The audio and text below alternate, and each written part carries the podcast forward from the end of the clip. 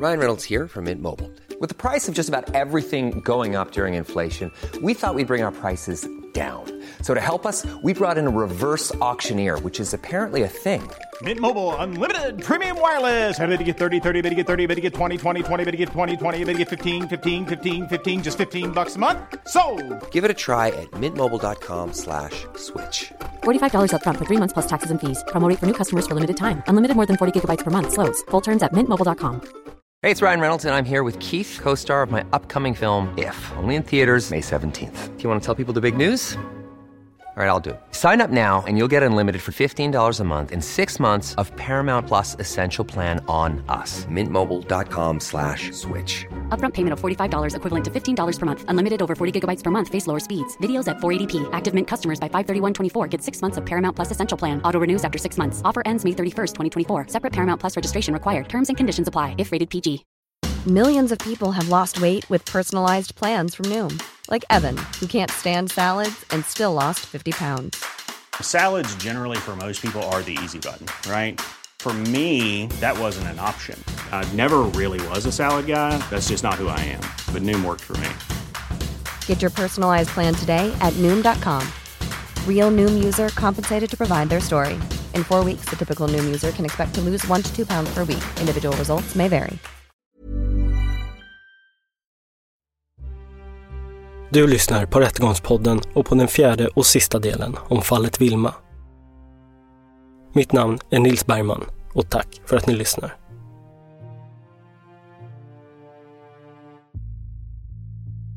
Då går vi in på de här fynden och, och så som har... Ja, du har hört brottsplatsundersökning och, och blodbitsanalysen här va? Och titta på bilderna. Det har ju påträffats blod i samtliga rum i den här lägenheten efter Vilma. Har du inte upptäckt något av de här blod? Det har jag aldrig sett. Det är nu dags för Tishko att förklara all den tekniska bevisningen och de fynd som hittats i lägenheten. Tishko, som under hela polisutredningen varit noga med att poängtera att han hela tiden varit hemma i lägenheten, menar att det därför är omöjligt att det finns spår i form av blod från honom, trots att detta har fastställts av analytiker på NFC.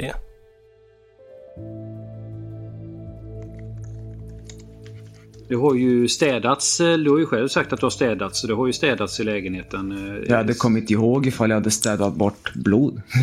det har jag inte gjort. Nej. Mm. Eh, Och så har vi såna här kontaktspår, såna här drag som efter blodigt hår i två dörröppningar och sovrum och toa och efter toa dörr. Ganska tydligt, det är ingenting du har sett. Nej. Sen har vi också stänk i, i, vid fönsterväggen som den kallas i brottsplatsundersökningen. Då. Det är en hel del prickar där. Ingenting som har sett. Nej. Så har vi eh, fåtöljen också. Lite rinningar och stänk så. Mest ner till men även lite upp till. Ingenting. Du har ju suttit i den fåtöljen rätt mycket säger du. Nej. TV-möbeln så var det ju som uttrycks då muskelvävnad i två delar. Så en sitter ju i möbeln, en sitter i väggen nära varandra. Till vänster om TVn. Nu sitter du och tittar på TVn. Har du sett dem på vänster sida där om TVn? Nej. Eh. Sen har man hittat ditt blod på mattan. Det är omöjligt. Så du har inte blött på den här mattan? Det och så, ja. Nej, det har jag inte gjort. Jag har inte blött på flera år. Jag tänker på att du har ju skador här. eh, Ja, men det var ju... 14. Det, då, då har jag ju skärt mig. Det, kommer, det droppar inte blod därifrån. Det är liksom skavsår typ eller något sånt där. När, när skar du dig på den här lampan då? Det måste ha varit lördag kväll. Mm. Eller fredag, jag vet inte. Eh, Ja. Men eh, det är ju torsdag den 14 som polisen ser skador på dina händer. Eh, det kan inte vara sant. Eh, Det är blod eh, och det är både ditt och Vilmas blod, eh, eller DNA i blodet. På flera ställen faktiskt. Vad har du för kommentar till den? Det är omöjligt. Jag har inte sett hennes blod alls och jag har inte blött. Så mitt blod är omöjligt. Sen ser jag det är DNA, det vet jag ingenting om. Nej. Men det som är mest eh, anmärkningsvärt då, eh, det är ju eh, det här sista som kom in från NFC innan rättegången. Att dina fotspår finns och de bedömer att det är i blod, dina fotspår. Det vet jag ingenting om. Ja. Någon kommentar måste du väl ha kring detta? Alltså, Ingen förklaring till det alls? är det blodigt så trampar inte jag rakt in i det. Nej, jag har inte sett någon blod alls. Så det kan inte jag, det kan inte jag kommentera. Tishko svarar alltså flera gånger att det är omöjligt att man hittat blodspår från honom. Åklagaren Jim Westerberg låter honom gärna svara så och stegar sig vidare i utfrågningen.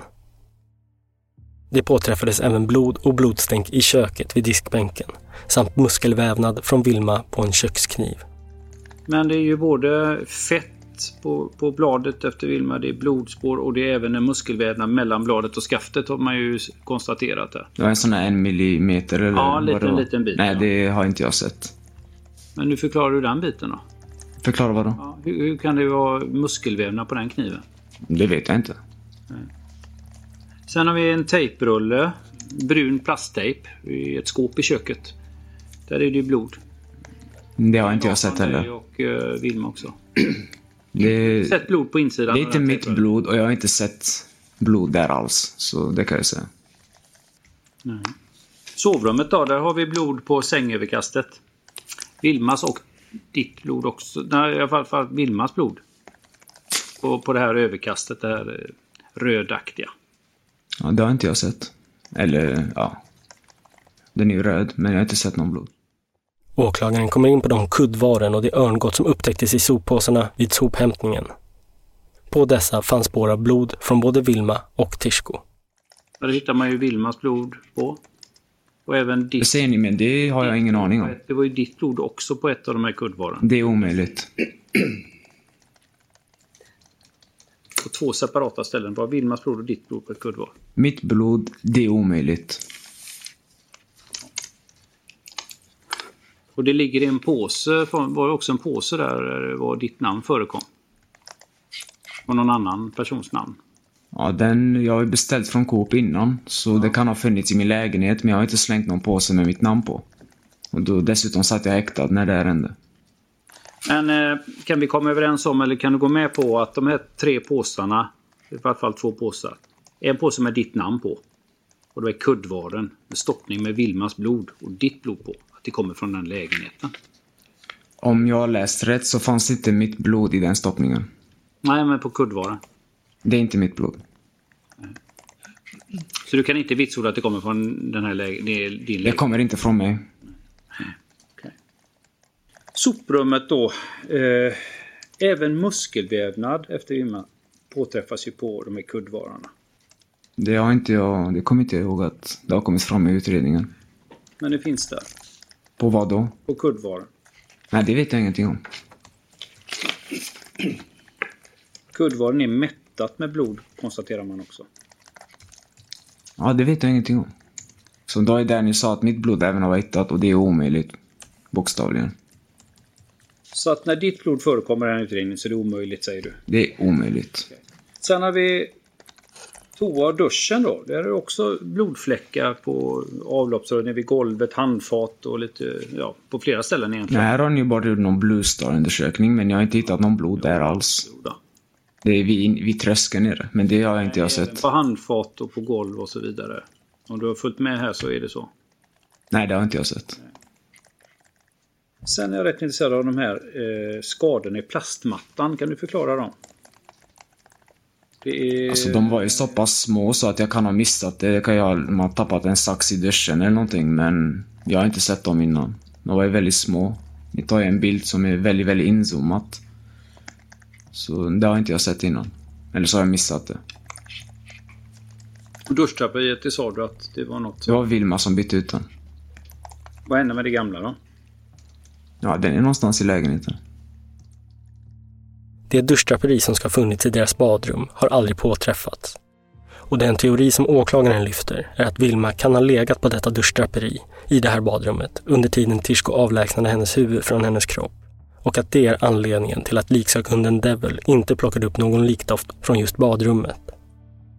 Gällande detta går åklagaren nu in på fyndet som gjordes i Tishkos resväska.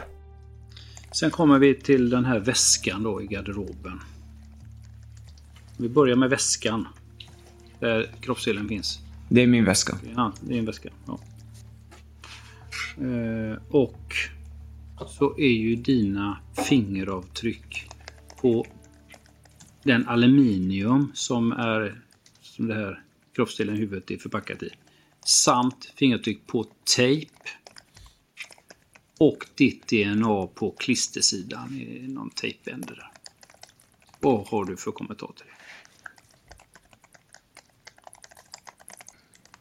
Jag köpte för inte så många dagar sedan, innan Vilma försvann, köpte jag två hela rullar med aluminiumfolie. Så de har använt min folie. Och tejpen behöver jag bara plocka upp en gång så är det, så är det där.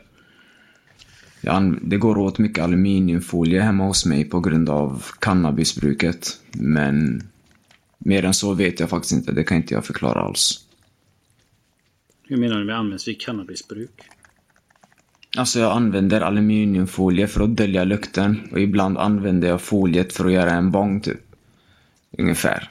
Men sen, jag vecklar ut ganska mycket aluminium och så vecklar jag in det igen för man vet aldrig hur mycket man behöver.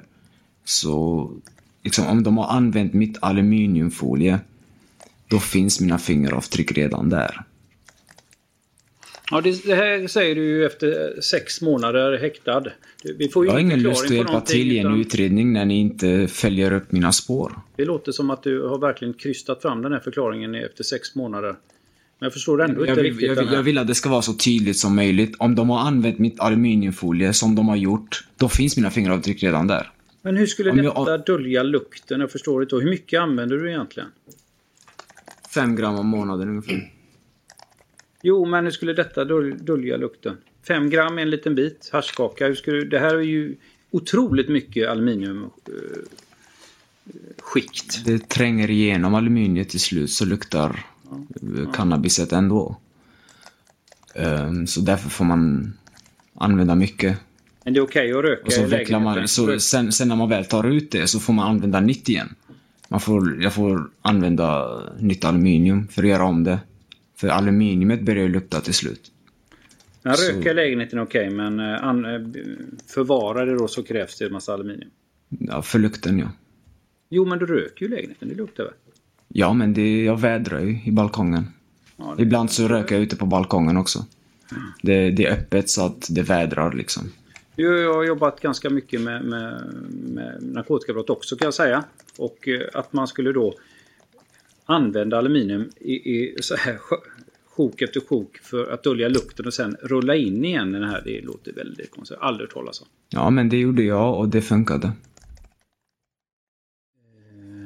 sen var det en del skador på, på det här huvudet. Tänk på det. Inga funderingar du har haft? Förutom att det är hemskt och brutalt så vet jag inget mer än så. Mm. Ifall det är så har gått till, jag vet inte. Ja.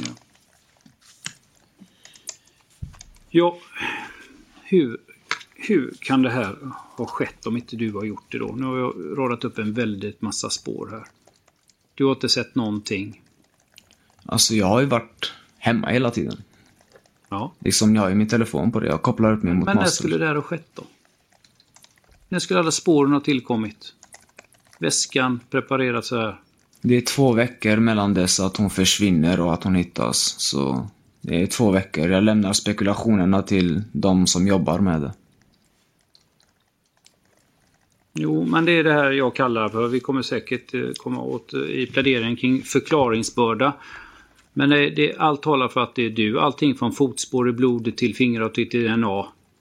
Både här och där. Så får du faktiskt försöka eh, ha någon förklaring. Det är någon annan som har gjort det förstår jag. Jag kan omöjligt ha gjort det. Jag har varit hemma sen jag kommer hem från torsdag kväll. Jag är hemma hela fredagen. Jag är hemma hela lördag. Jag är hemma hela söndag. Söndag kommer hennes familj hem till mig och hon är inte där. Mm. Det är helt omöjligt. Därför sa jag i början här att jag måste ha brutit mot fysikens lagar. För jag är hemma varje dag. De ser det på min telefon. De ser det på min Playstation. Jag är hemma varje dag. Om jag förstår det hela rätt då, så skulle en annan gärningsman ha tillgång till nycklarna till din lägenhet då, i så fall? Vid något tillfälle? Det kan vara en möjlighet, men jag kan inte... Jag vet inte hur mycket värdighet mina spekulationer har, för jag vet ju vad jag har gjort. Jo, men när skulle det ha skett? Skulle det ha skett när det var avspärrat och polisen har bytt lås och så vidare till den här Det lägenheten? finns många möjligheter. Det är två veckor från dess att hon försvinner tills dess att hon hittas. Men lägenheten är ju avspärrad, man har bytt lås. De tre nycklarna till lägenheten är ju beslag. De fanns ju i lägenheten, alla tre nycklarna. Att ni säger till mig att polisen har bytt låskolv, det enda det säger mig, från mitt perspektiv, från mina ögon, det här senaste halvåret, det enda det säger mig är att dörren har varit vidöppen i nio dagar. Vidöppen. Alltså, dörren har ju varit låst hela Hur, tiden. hur skulle jag kunna ha gjort det? Jag är hemma varje dag.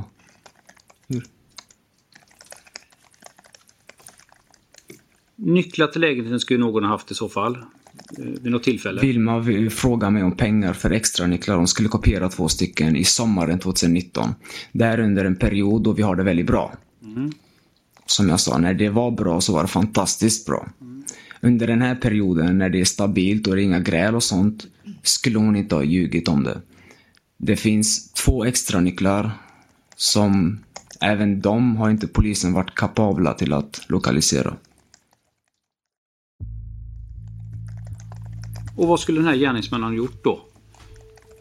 Paketerat med... Vilseled polisen kanske? Det är jag, jag vet inte. Mina teorier är inte värda så mycket. Det här är inte min värld. Det är liksom spekulationer och juridik och sånt där. Det får ni ta. Så den här gärningsmannen skulle alltså Jag kan bara gå leta, efter leta fakta. upp aluminium och tejp i köket. Det är inte så svårt att hitta.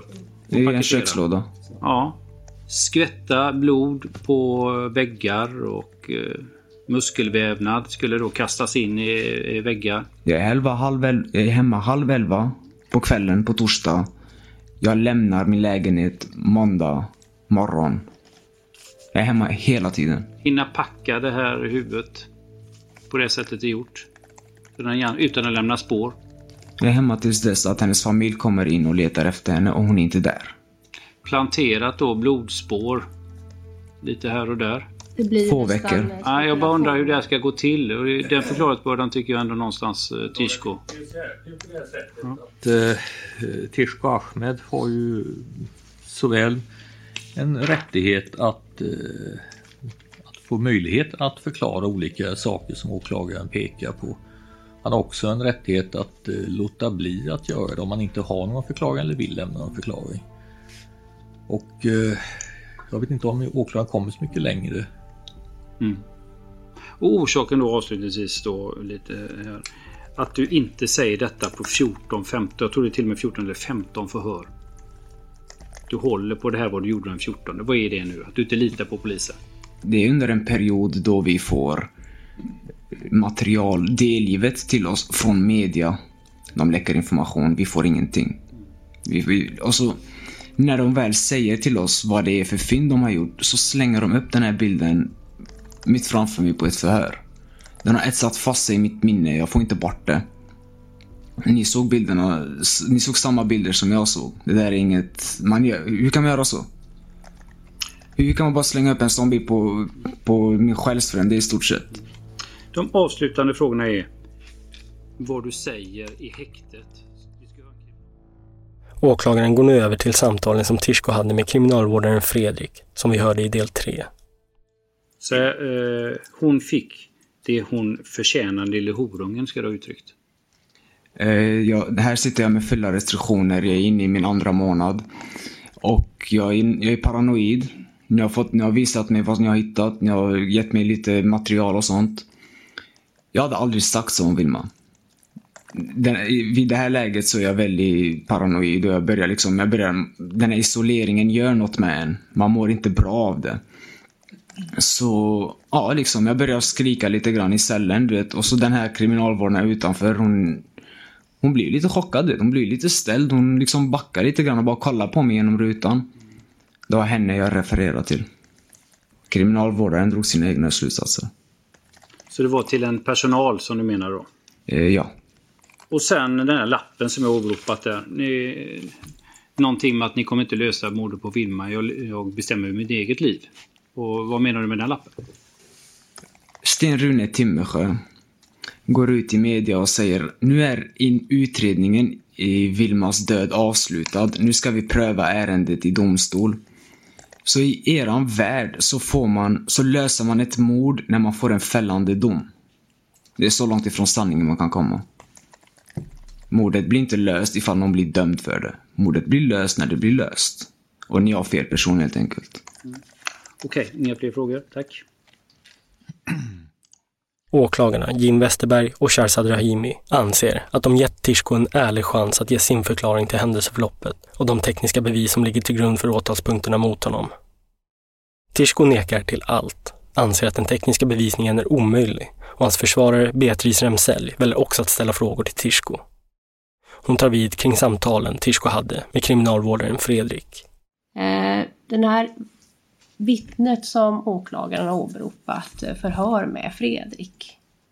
Vet du vem det är? Kommer du ihåg? Är det, eh... Ja, det är en vakt jag har haft väldigt mycket kontakt med på nätterna. Han kom till mig runt jul och bara började starta upp en konversation med mig. Mm.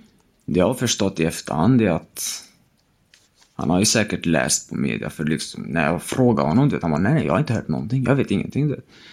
Och jag var ju ganska naiv och trodde på det här.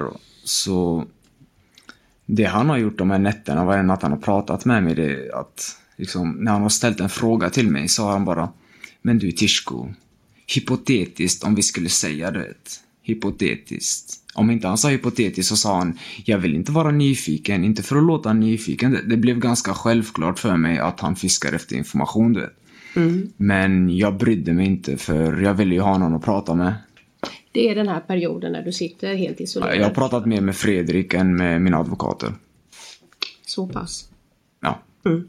Det, nätterna de, de blir väldigt långa och jobbiga så jag vet att det var ett problem för dig just med nätterna och att sova har du inte klarat av. Men, men det är då de här samtalen sker med Fredrik. Jajamän. Ja. Utöver de lappar Tishko skrev i sin häktescell om att man aldrig kommer hitta Vilmas kropp så skrev han även lappar där han bad sina föräldrar om förlåtelse samt en kärleksförklaring till Vilma. De här lapparna, en har åklagaren visat och en har jag visat. Har du skrivit dem? Jag har skrivit dem. Mm. Jag visade en om att du bad dina föräldrar om förlåtelse och man får förstå det på det sättet att du, du så att säga vill, vill lämna, du vill inte leva längre. Jag hade sparat tabletterna i 20, 21, 22 dagar något sånt. Jag tog 45 tabletter jag hade sparat dem i en påse i min cell. Ehm, det var en blandning av Zoplikon och melatonin. Jag trodde inte jag skulle bli åtalad. För de vet, med den informationen som de har, de har varit i min lägenhet, de vet vart den är belägen. De vet att jag är oskyldig, så blev jag åtalad ändå. Okej, visst, det finns en kroppsdel, vi kan ha en rättegång om det. Men i samband med åtalet så går de ut i media och svartmålar mig samtidigt. De läcker systematiskt ut information och målar mig som ett monster när jag vet vem jag är. Så jag trodde inte ens jag skulle bli... Det, det är liksom... Det är så mycket, det är så ensidigt hela grejen. Jag blev åtalad, vilket är okej. Okay. Men så svartmålar de mig på alla möjliga sätt de kan samtidigt. Det, det blev för mycket. Mm. Så du tog de här tabletterna? Ja, det var liksom, jag tänkte det är ingen smärta, ingenting. Det är liksom, det går snabbt och smidigt. Men innan skrev du den där lappen jag läste upp? Vilken menar du? Den lappen där du måste, måste, till din kärlek Vilma. Mm. Var det så du kände? Ja. Jag känner mig tom. Alltså jag känner mig som en halva av en hel typ. Mm. Liksom när jag träffade Vilma, då hade jag en annan flickvän. Och liksom, jag glömde, ut, jag glömde bort det för att det flöt på så naturligt med henne. Jag tror någonstans så har deras, jag vet inte, de här läckningarna och allting och svartmålningen har väl funkat på något sätt och det har väl, det har väl haft någon effekt på mig med. Men absolut, jag jag, det känns som att man tappar bort syftet liksom. Det... Om man tänker så här då, jag tycker ändå det hör hemma här. Den här tiden i häktet, sex månader drygt. Vad tycker du själv att det har gjort med dig? Det är det enda livet jag känner till. Det är det enda minnet jag har. Jag... Liksom första tre dagarna i arresten, det önskar inte jag på någon. Men jag tänkte de släpper mig när som helst, jag bara samarbetar och så. Men nu har det gått ett halvår. Och att gå igenom det där när man inte har gjort någonting, det... Om man säger så här Tishko, du kommer bara ihåg livet i häktet, inte vad som var innan nästan. Jag kommer inte ihåg hur det är att vara fri. Om jag ska vara ärlig. Det, nej, det gör jag faktiskt inte. Mm. Den 16 juni, efter en sammanlagt nio dagar lång tingsrättsförhandling, är det dags att hålla slutpläderingar. Och det är åklagaren Jim Westerberg som är först ut. Det här målet rör ju våld i nära relation. Vid brottmål av den här typen så bygger åtalet på vad målsägaren har berättat egentligen i huvudsak. Jämte en del stödbevisning. Eh, åsyna vittnen saknas ofta. Åklagaren inleder med att konstatera att det i det här fallet saknas vittnesuppgifter från brottsoffret och med hänsyn till det har man behövt ta in fler utomstående personer som kan beskriva Tishko och Vilmas förhållande. Sms och chattkonversationer har också varit av extra vikt att få ta del av. Och åklagaren anser att det är styrkt att Tishko har varit kontrollerande och våldsam. Eh, vi menar, utan att gå igenom vad var och en har sagt, att följande är styrkt när det gäller relationen och när det gäller Tishko och Vilma. Tishko har varit den dominerade personen, dominerande personen i relationen. Han har styrt och bestämt här i första hand. Tishko har förutom att kränka henne på olika sätt förminskat henne. Då kan vi titta på meddelanden och vad vittnen uppgett till exempel. Så har han varit kontrollerande mot Vilma här. Det har också, förutom då regelbundna gräl och bråk och annat, förekommit våld i den här relationen. Vi har hört flera vittnen här i målet att Tishko har hållit fast Vilma, kastat föremål på Vilma, tilldelat henne en örfil har kommit från två håll, uppgifter om. Han har tilldelat henne slag mot huvudet så att hon tappat medvetandet mot tillfälle. Det är två vittnen som har sagt det. Oberoende av varandra menar jag. Hej, jag Ryan Reynolds. På Mint Mobile, we like to do the opposite of what Big Wireless does. They charge you a lot, we charge you a little. So naturally, when they announced they'd be raising their prices due to inflation, we decided to deflate our prices due to not hating you. That's right. We're cutting the price of Mint Unlimited from $30 a month to just $15 a month. Give it a try at mintmobile.com slash switch. $45 upfront for three months plus taxes and fees. Promo rate for new customers for limited time. Unlimited more than 40 gigabytes per month. Slows. Full terms at mintmobile.com. There's never been a faster or easier way to start your weight loss journey than with PlushCare. PlushCare accepts most insurance plans and gives you online access to board-certified physicians who can prescribe FDA-approved weight loss medications like Wigovi and Zepbound for those who qualify. Take charge of your health and speak with a board-certified physician about a weight loss plan that's right for you. Get started today at plushcare.com slash weight loss. That's plushcare.com slash weight loss. plushcare.com slash weight loss. Hey, it's Ryan Reynolds, and I'm here with Keith, co star of my upcoming film, If, only in theaters, May 17th. Do you want to tell people the big news? All right, I'll do it. Sign up now and you'll get unlimited for $15 a month and six months of Paramount Plus Essential Plan on us. Mintmobile.com slash switch. Upfront payment of $45 equivalent to $15 per month. Unlimited over 40 gigabytes per month. Face lower speeds. Videos at 480p. Active Mint customers by 531.24 get six months of Paramount Plus Essential Plan. Auto renews after six months. Offer ends May 31st, 2024. Separate Paramount Plus registration required. Terms and conditions apply if rated PG. Hey, it's Paige DeSorbo from Giggly Squad. High quality fashion without the price tag. Say hello to Quince. I'm snagging high-end essentials like cozy cashmere sweaters, sleek leather jackets, fine jewelry, and so much more. With Quince being 50 to 80% less than similar brands. And they partner with factories that prioritize safe, ethical, and responsible manufacturing. I love that. Luxury quality within reach. Go to quince.com slash style to get free shipping and 365-day returns on your next order. quince.com slash style. Eh, förekomsten av våld stöds också av grannars vittnesmål. Särskilt ett, en granne som säger att hon misshandlar han henne. Var tanken. Så lät det i, i lägenheten bredvid. Också vill lyfta fram att när det gäller Tishko då att han har visat en svart blick i samband med att han blir riktigt arg. Och det är flera som har sagt det. Det är kriminalvårdaren Fredrik, Ingrid Bergqvist etc. Det visar en dålig impulskontroll, ett aggressivt beteende. Eh, sen har det också framgått, menar jag, vittnen att mot slutet av den här relationen så har eh, Tishko blivit konstig, uttalat märkliga åsikter. Han har kallat Vilma märkliga saker. Hon var djävulen, Lucifer, han har blivit kall, inte brytt sig om Vilma, vilket han gjort tidigare. Enligt Fredrik, den här kriminalvårdaren då, uppvisade Tishko ett grandios beteende, nedvärderande mot andra personer. Och den bilden tycker jag bekräftas av vad Tishko säger här i tingsrätten. Han är den mest trovärdiga personen. Han är den egentliga målsägaren. Och han tog hand om Vilma och gav henne husrum och så vidare. Gav henne då stöd här. Så har vi då en uppgift i paragraf 7-undersökningen också som visar den här grandiosa självbilden. Sammantaget menar hon när det gäller Tishko att han sätter sig själv i första rummet, hans intressen och behov går i första hand. Han har misshandlat och kontrollerat Vilma under den här relationen. Och när det kommer till Vilma återgår åklagaren till att hon, innan hon träffade Tishko, var en ansvarsfull, ambitiös och stark ung tjej. Men att hon under förhållandet snabbt tappade självförtroende och självkänsla.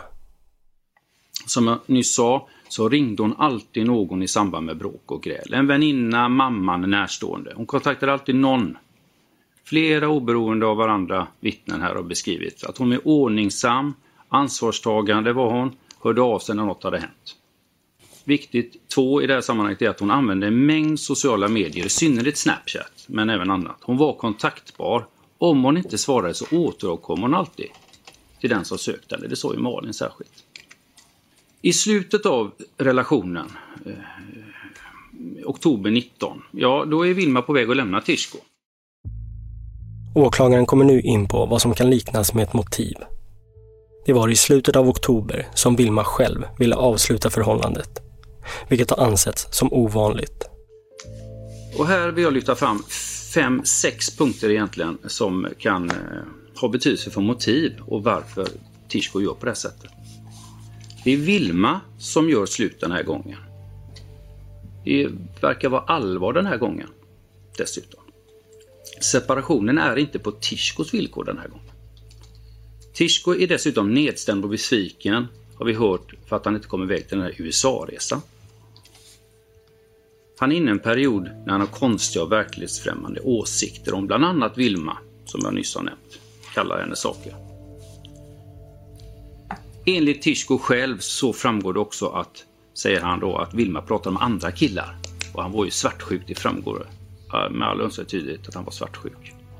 Så svartsjuka som, en, som ett ytterligare motiv här. Det är väldigt många uppgifter och omständigheter som sammanfaller den här sista veckan. Som kulminerar menar jag i det här grälet, bråket, som ostridigt äger rum den 14 november i lägenheten. Mycket i Tishkos liv som kan ha triggat fram våld på Tishkos sida mot Vilma. Åklagaren tar också upp händelsen att Vilma kontaktar Tishkos föräldrar angående Tishkos USA-resa som ett led i hans växande aggression vid den här tiden. Tishkos berättelse av händelseförloppet som utvecklade sig i lägenheten torsdag eftermiddagen den 14 stämmer inte överens med övrig bevisning, menar man. Att Tishko och Vilma ska ha bråkat verbalt, sedan duschat som om ingenting har hänt och sen fortsatt bråka stämmer inte med det högljudda bråk med inslag av dunsande och skrik som grannarna har hört. Det som däremot är visat är följande. Omkring 18.00 väcks grannen Peter, som bor snett under aktuell lägenhet, av sin dotter som är livrädd. Tidpunkten 18.00 stöds av det händelserapport som är åberopat där han är säker på 18.00. Förhör med Peter under förundersökningen är också då 18.00 ungefär, jag säger 18. Och det han sa i vittnesmål eh, stödjer också detta, att det är runt den här tiden. Dottern och sonen har under en tid hört då högljudda skrik från lägenheten och sen väcker de till slut pappan. Dottern har sett någon långhårig tjej på Tishkos balkong i samband med det grälet. Sammantaget menar jag att vittnesiakttagelserna och skriken i Aktuellt kväll äger rum runt 18.00 eller strax därefter. Det stämmer väl med mobiltelefonoperatörens uppgifter om att Tishko, eller hans mobil rättare sagt, lämnar ju lägenheten 1837. 1837. Tishko har ju till slut, efter sex månader, vidgått att han lämnade faktiskt lägenheten. Ganska kort efter att Vilma ska ha lämnat lägenheten. Då ligger vi helt rätt med 18. Strax efter 18 här. Vilmas närstående hördes ju här målsägande. Då, till, till dem säger eh, Tishko att Vilma lämnar lägenheten vid 16-17 tiden. Det stämmer inte alls. Till, Tishko är inte tillförlitlig här när han drar olika tidpunkter här. Och en viktig sak som, allt, som tingsrätten ska ha med sig hela tiden det är ju att Vilmas mobiltelefon ligger kvar på hemmamasten under hela den här dagen den 14. Ända fram till den 15 november. Då den stängs av manuellt av någon person. Hon har inte varit iväg någonstans. Tishko kommer hem till sin lägenhet efter att ha blivit hemkörd av polis. Cirka 22.20-22.30.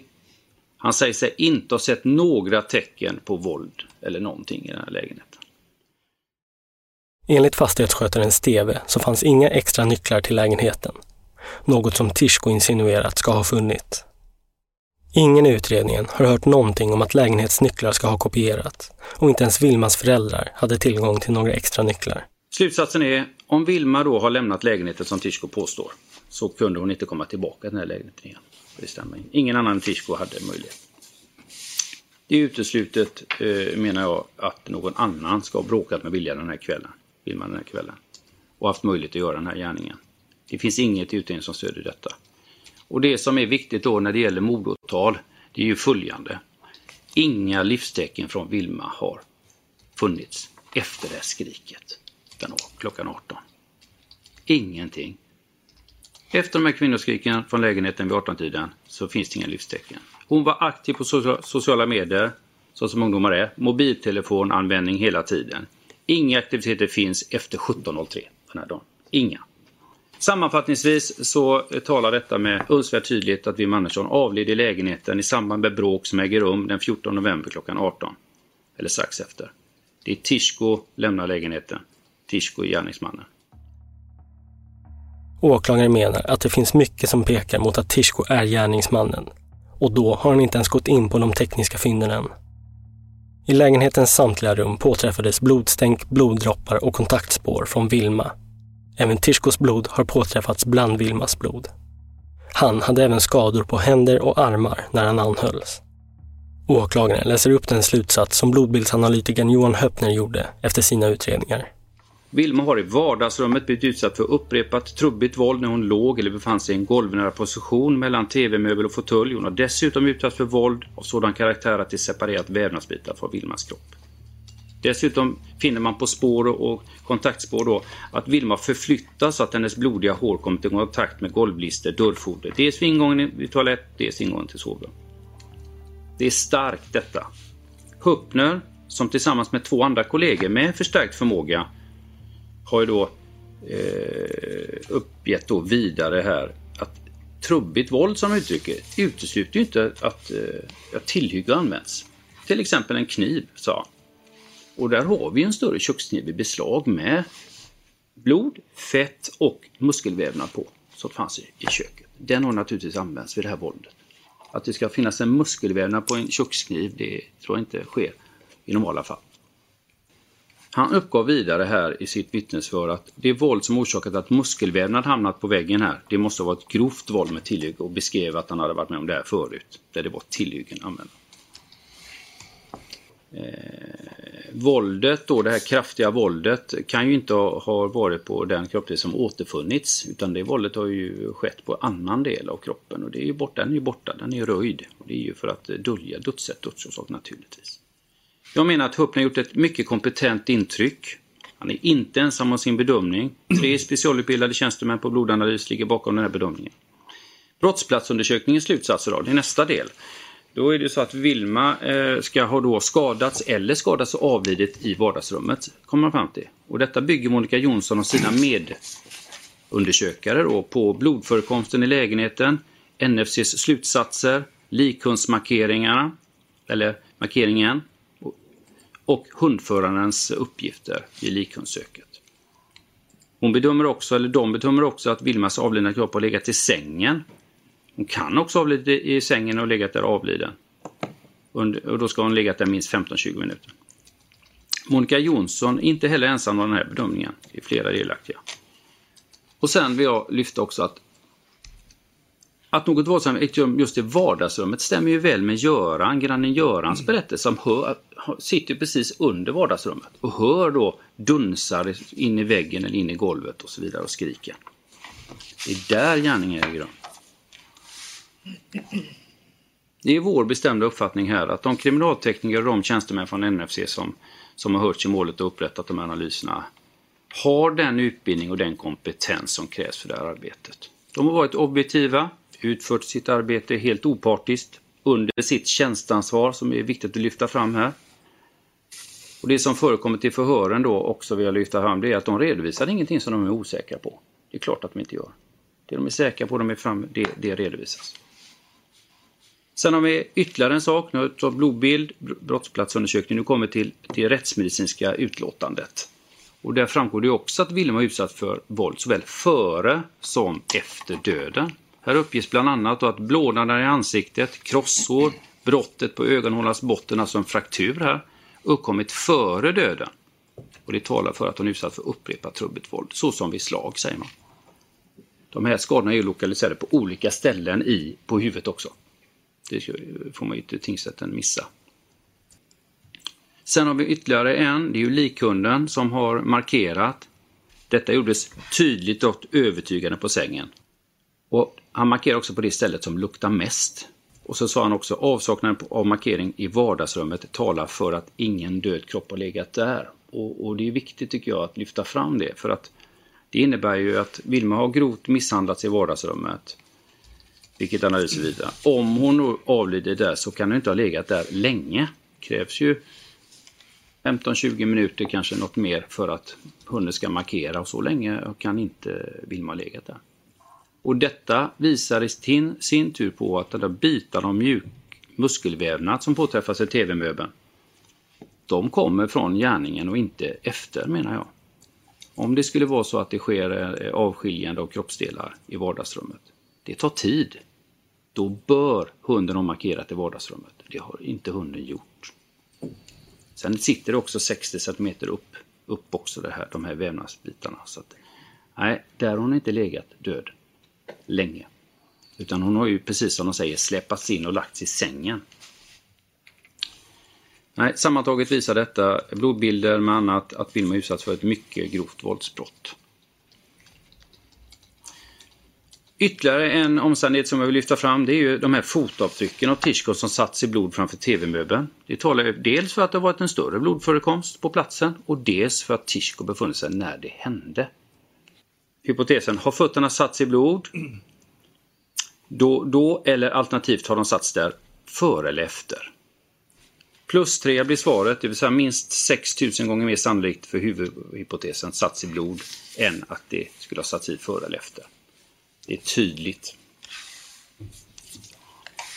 Eh, sen eh, duschutrymmet då, jag vill ändå nämna det lite även om det är, vi inte har eh, säkra på. Men att det är visat menar vi då att eh, vildmarskap i något skede har hanterats i toalett och duschutrymmet kan man nog ändå säga. Det finns en hel del blodspår där.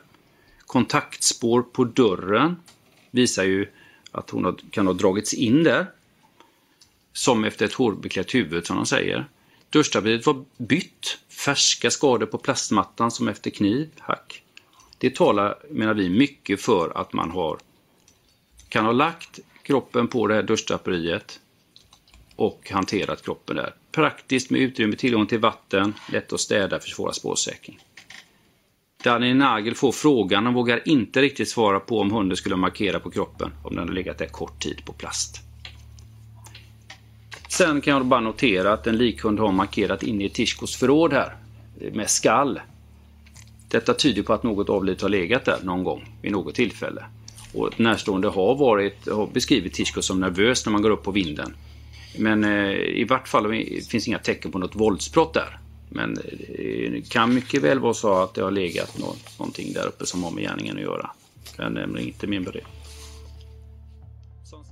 Om det rent hypotetiskt skulle vara så att någon annan än Tishko på något sätt skulle ha hanterat huvudet så utesluter inte det att Tishko ändå är gärningsman eller medgärningsman till detta, menar åklagaren.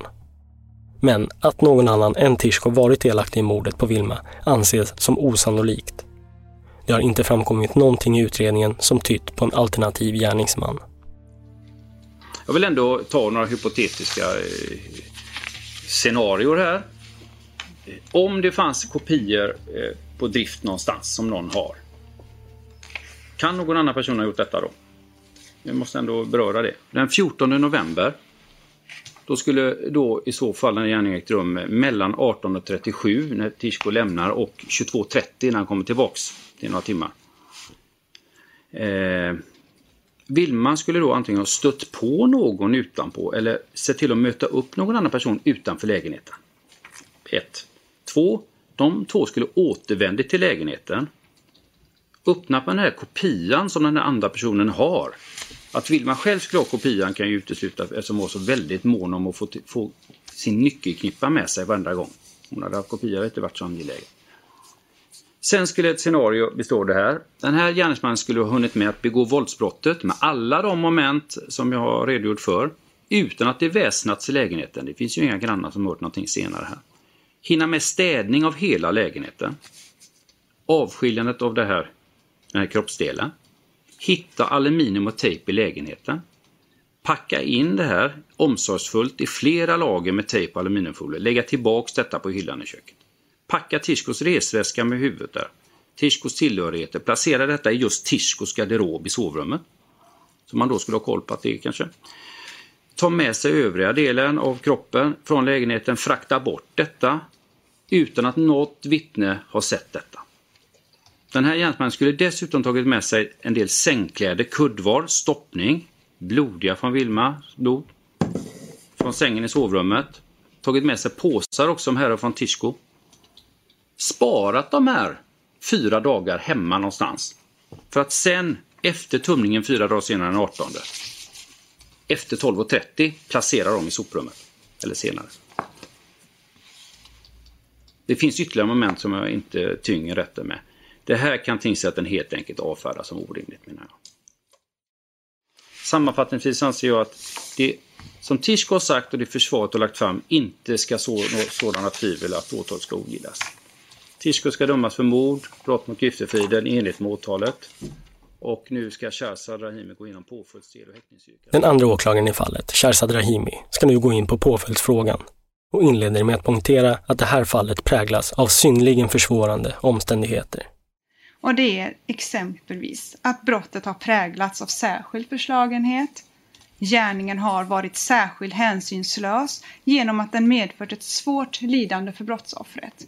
Och när man pratar om svårt lidande så nämner man i motivuttalandena kraftigt våld, utdraget förlopp och stark dödsångest. Ytterligare försvårande omständigheter är att brottet har riktat sig mot en närstående, särskilt viktigt, och att brottsoffret har befunnit sig i en skyddslös ställning. Eller att brottet har utförts i offrets hem. Alla de här nämns i motivuttalandena. I det här aktuella fallet så anser vi inte att det finns, det har inte framkommit några som helst förmildrande omständigheter. Däremot finns det en rad, många försvårande omständigheter som gör att det här straffet bör vida överstiga de 14 år som nämns i praxis. jag kommer dela upp dem och gå igenom dem var för sig och jag kommer börja med det som är särskilt allvarligt och särskilt försvårande. Det är att det här brottet har begåtts mot en närstående i det gemensamma hemmet. Det är en mycket viktig omständighet att beakta vid påföljdsbestämningen och som talar i försvårande riktning i fråga om påföljden. Och det är att det här dödliga våldet har riktats mot närstående. Det har riktats mot Vilma i hennes eget hem. Där man ska, eller där hon ska kunna känna sig trygg och fredad. I sitt eget hem har man rätt att inte behöva räkna med att bli överfallen. Och i det här fallet har alltså ett kraftigt våld riktats mot Vilma i hennes eget hem. Utöver detta finns det också en rad andra omständigheter som är särskilt försvårande kring Vilma. Och det är att Tishko är en vuxen man Han är fysiskt vida överlägsen Vilma som var liten och späd. Det är också att Vilma inte var vuxen. Betraktas fortfarande som barn under 18 år. Hon berövades alltså livet under sin uppväxt, under sin ungdomstid, som endast 17 år gammal. Sen går jag vidare till andra omständigheter som också pekade i försvårande riktning. Det är att våldet här har varit allvarligt, det har varit utdraget och förenat med dödsångest. Som min kollega också tidigare redogjorde för här så kan man med fog utgå från att det här våldet har varit allvarligt och utdraget. Det har bestått i flera så kallade händelser som Höppner uttryckte det. Det har rört sig om ett flertal slag, trubbigt våld och annat våld som separerat muskelvävnad från Vilmas kropp. Och med hänsyn till hur den återfunna kroppsdelen såg ut så måste det här ospecificerade våldet riktats mot annan del av hennes kropp och det är där det har varit dödande. Det är uteslutet att det har varit på annat sätt än med ett tillhygge, sannolikt en kniv för det är det som också har hittats med muskelvävnad på. Vi har alltså ett angrepp med ett flertal slag och tillhygge, vilket orsakat blödning, som det också tidigare redogjorts för. Det finns också omständigheter och spår som tyder på att Vilma kan ha rört sig runt i lägenheten för att undkomma det här våldet. Hon har varit försvarslös. Det finns spår på Tishkos händer och armar som tyder på att Vilma har försökt att värja sig mot det här angreppet. Och de skadorna han haft på handen eller händerna kan knappast förklaras av ett lampbyte i en kristallarmatur då de här skadorna finns på flera ställen på handen. De här spåren i bostaden tyder också på att förloppet inte kan ha varit helt kortvarigt. Det måste ha varit förenat med stark dödsångest och betydande lidande för Vilma. Utredningen ger också stöd för att det här angreppet fortsatte även efter att Vilma hamnat i något skede försvarslös på golvet. Hon har haft små, om ens några, möjligheter att undkomma det här våldet.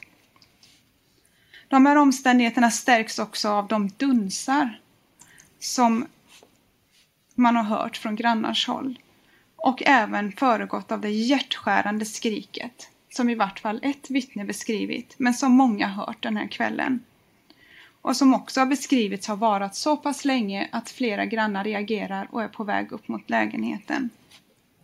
Dessa omständigheter menar vi innebär att Tishkov visat mycket stor hänsynslöshet och råhet mot Vilma.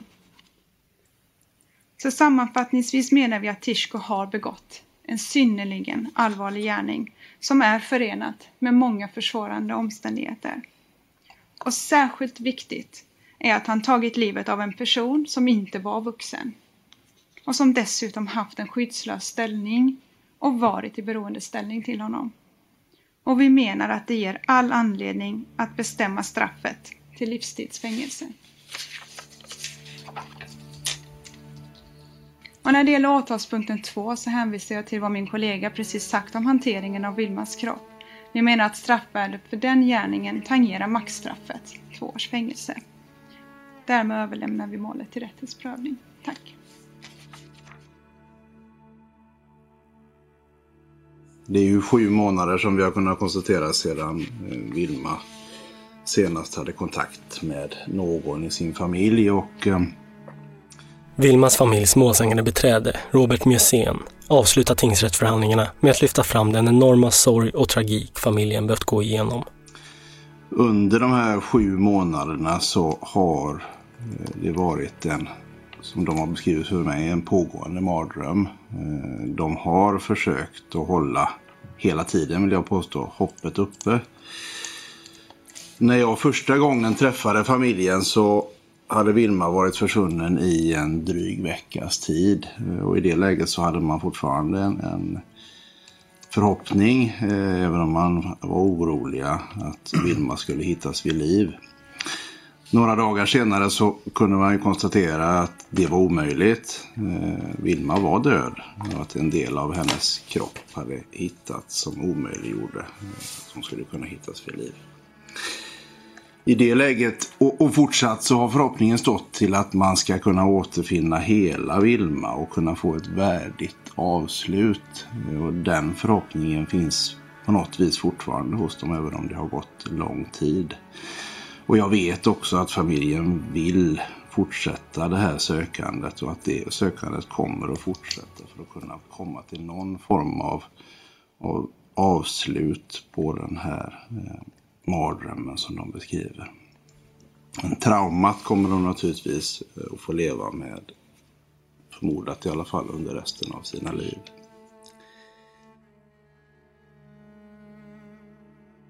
Efter flera veckors överläggning faller tingsrättens dom. Den 27 juli 2020 går i domen att läsa citat. Det kan inledningsvis konstateras att det inte finns någon direkt bevisning till styrkande av att Tishko orsakat Vilmas död. Det ska då särskilt framhållas att det inte finns utrett exakt vad som har varit dödsorsaken. Åklagarens bevisning i detta avseende består av en rad indicier, det vill säga indirekt bevisning som bildar ett helhetsmönster. Det finns i målet ett antal omständigheter som är mycket graverande för Tishko. Inledningsvis har tingsrätten redan funnit visa att Vilma har dödats i lägenheten, att hon därefter styckats och att huvudet funnits kvar förpackat i en väska. Av utredningen framgår vidare att Tishkos fingeravtryck återfunnits på flera av de lager av aluminiumfolie som huvudet förpackats i. DNA tillhörande Tishko har påträffats på den tejp som också använts. Vid brottsplatsundersökningen har fotspår från Tishko säkrats och det har sedan kunnat konstaterats att de avsatts i Vilmas blod.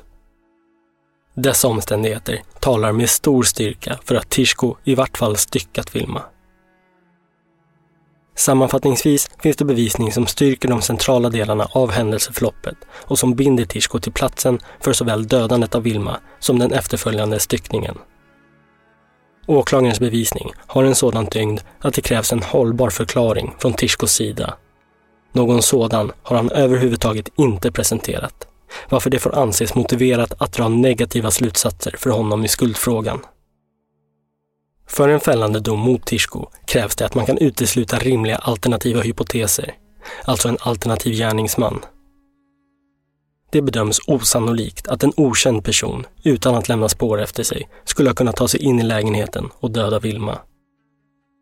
Det kan också konstateras att det för en fällande dom i ett indiciemål ska kunna fastställas att den misstänkta gärningsmannen har befunnit sig på eller åtminstone nära brottsplatsen, att den haft möjlighet att utföra gärningen och att annan gärningsman kan uteslutas.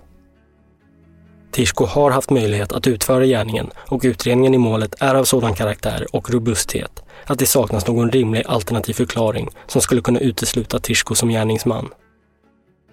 Tishko har inte heller någon rimlig förklaring till de omständigheter som binder honom till gärningen. Förutsättningarna för en fällande dom är med hänsyn härtill uppfyllda.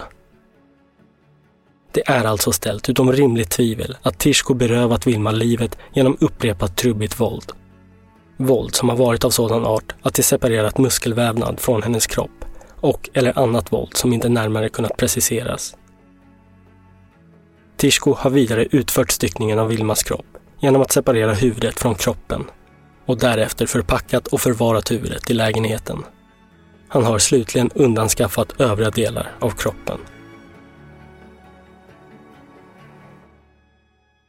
När det gäller frågan om hur tingsrätten ska bedöma gärningarna kan det konstateras att det har varit fråga om ett kraftigt våld det har inte varit fråga om ett helt kort händelseförlopp. Det går dock inte att fastställa att Tishkos direkta avsikt har varit att döda Vilma. Tingsrätten anser emellertid att bevisningen som den redovisats visar att Tishko i vart fall måste ha insett att hans handlande innebar en faktisk risk för att Vilma skulle avlida. Tishkos agerande visar också att han har varit helt likgiltig inför att effekten skulle inträda, det vill säga att Vilma skulle dö. Detta har inte fått honom att avstå från sitt handlande och han har alltså haft ett likgiltighetsuppsåt till gärningen. Gärningen ska därför bedömas som mord. Det finns ett visst utrymme för att låta en dom för mord också omfatta en begränsad hantering av en kropp efter gärningen. Att endast flytta på en kropp efter gärningen för att fördröja upptäckt anses exempelvis kunna vara konsumerat av mordet. Att som Tishko i detta fall, efter det att Vilma dödats, avskilja huvudet från kroppen kan dock aldrig, enligt tingsrättens mening, konsumeras av mordet. Det är fråga om en efterföljande gärning som utförts efter det att mordet tidsmässigt är avslutat och som inneburit att kroppen skadats och behandlats skymfligt. Tishko ska därför också dömas för brott mot griftefrid. Tishko genomgår en rättspsykiatrisk undersökning där man kommer fram till att han inte led av en allvarlig psykisk störning vid tiden för gärningarna och inte heller vid tiden för undersökningstillfället. Däremot bedöms det att han personlighetsmässigt uppvisat en självbild och beteenderepertoar präglad av förhöjd självbild och ett ytligt och onyanserat känsloliv. Tishkos psykiska tillstånd uppfyller kriterier för diagnoserna ospecificerad personlighetssyndrom med narcissistiska drag. Då någon allvarlig psykisk störning inte föreligger utgår resonemang kring frågorna om insikt och förmågan att kontrollera sina handlingar. Tishko kan därför dömas till fängelse för mord och påföljden blir därav fängelse på livstid. Tishko och hans försvarare har valt att överklaga domen till hovrätten. Hovrätten sänker tingsrättens dom från livstidsfängelse till 18 år. Eh, då menar vi att den praxis som har kommit fram den, Eh, den räcker inte för att man ska lägga det här på livstid eh, trots de här försvårande omständigheterna utan att det bör ligga på max, eh, det maximala tidsbestämda straffet 18 år. Mitt namn är Nils Bergman. Ansvarig utgivare är Jonas Häger. Tack för att ni lyssnar.